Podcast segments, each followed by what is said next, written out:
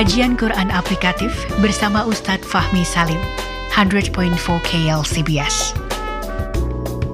Assalamualaikum warahmatullahi wabarakatuh. Saudaraku yang dirahmati Allah Subhanahu wa taala. Mari kita renungi dan tadabburi kisah Yusuf alaihi salam yang terdapat di dalam Al-Qur'an.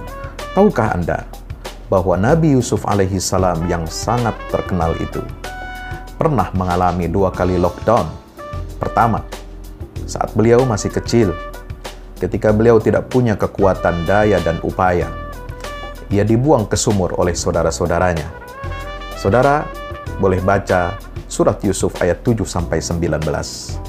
Dinyatakan di dalam ayat yang ke-9 dan 10 bagaimana rencana busuk dan jahat saudara-saudara Yusuf. Mereka mengatakan uktulu Yusuf awitrahuhu ardan yakhlulakum wajhu abikum wa takunu min ba'dihi qauman salihin. Bunuhlah Yusuf atau buanglah dia ke suatu tempat agar perhatian ayah tertumpah kepada kalian dan setelah itu kamu menjadi orang yang baik. Qala qailum minhum la taqtulu Yusuf walquhu fi ghayabatil jub yaltaqithu ba'du sayyarati in kuntum fa'ilin. Seorang di antara mereka berkata, "Jangan kamu membunuh Yusuf, tapi masukkan saja dia ke dasar sumur agar dia dipungut oleh sebagian musafir jika kamu hendak berbuat." Subhanallah. Yang kedua, peristiwa lockdown yang beliau alami ketika beliau dewasa saat Yusuf telah memiliki kekuatan fisik, tapi tidak memiliki kuasa dan kedudukan sosial. Beliau dibuang ke penjara oleh orang tua angkatnya sendiri dengan tuduhan dibuat-buat, yaitu berzina atau selingkuh dengan istri tuannya. Mari kita baca surat Yusuf ayat 32 sampai 35. Ketika Yusuf berkata, Rabbis sijnu ahabbu ilayya mimma yad'unani Rabbis sijnu ahabbu ilayya mimma yad'unani.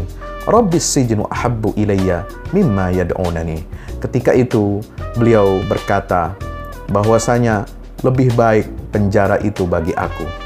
Di ayat 33.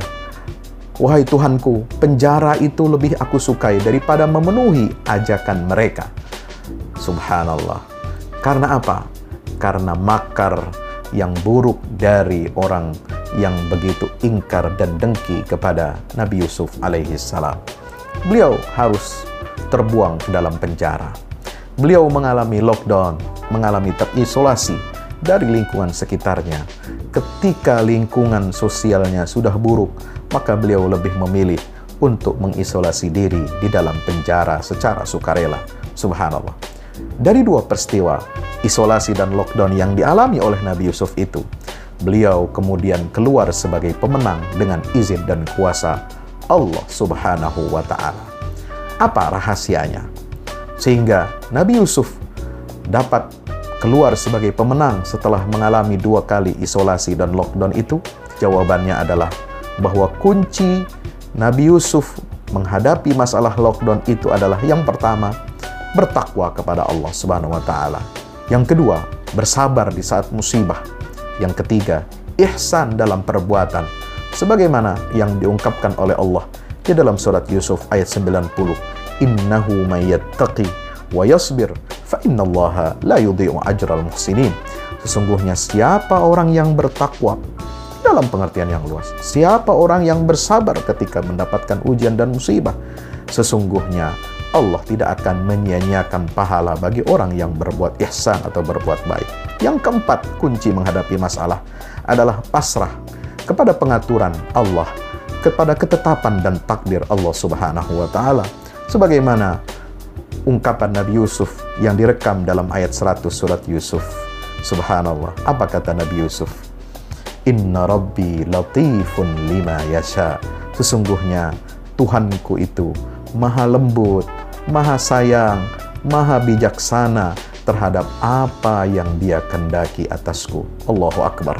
Itulah sikap seorang nabi yang patut kita teladani dalam ketakwaannya, dalam kesabarannya, dalam sikap ihsannya, dalam kepasrahannya kepada kodok dan qadar Allah Subhanahu wa taala. Beliau tidak pernah mencaci lingkungannya. Beliau tidak pernah menyalahkan saudara-saudaranya beliau tidak pernah menyalahkan Allah Subhanahu wa taala. Marilah di saat kita menghadapi kesulitan dan musibah seperti ini. Ketika kita harus mengisolasi diri, mari kita kembali kepada Allah Subhanahu wa taala. Perbaiki takwa kita, perbaiki kesabaran kita, perbaiki ihsan kita dan perbaiki sikap pasrah kita terhadap ketetapan dan takdir Allah. Wassalamualaikum warahmatullahi wabarakatuh. Belajar tafsir Al-Quran dalam kajian Quran aplikatif bersama Ustadz Fahmi Salim, pendiri Yayasan Al-Fahmu International Indonesia, 100.4 KL CBS.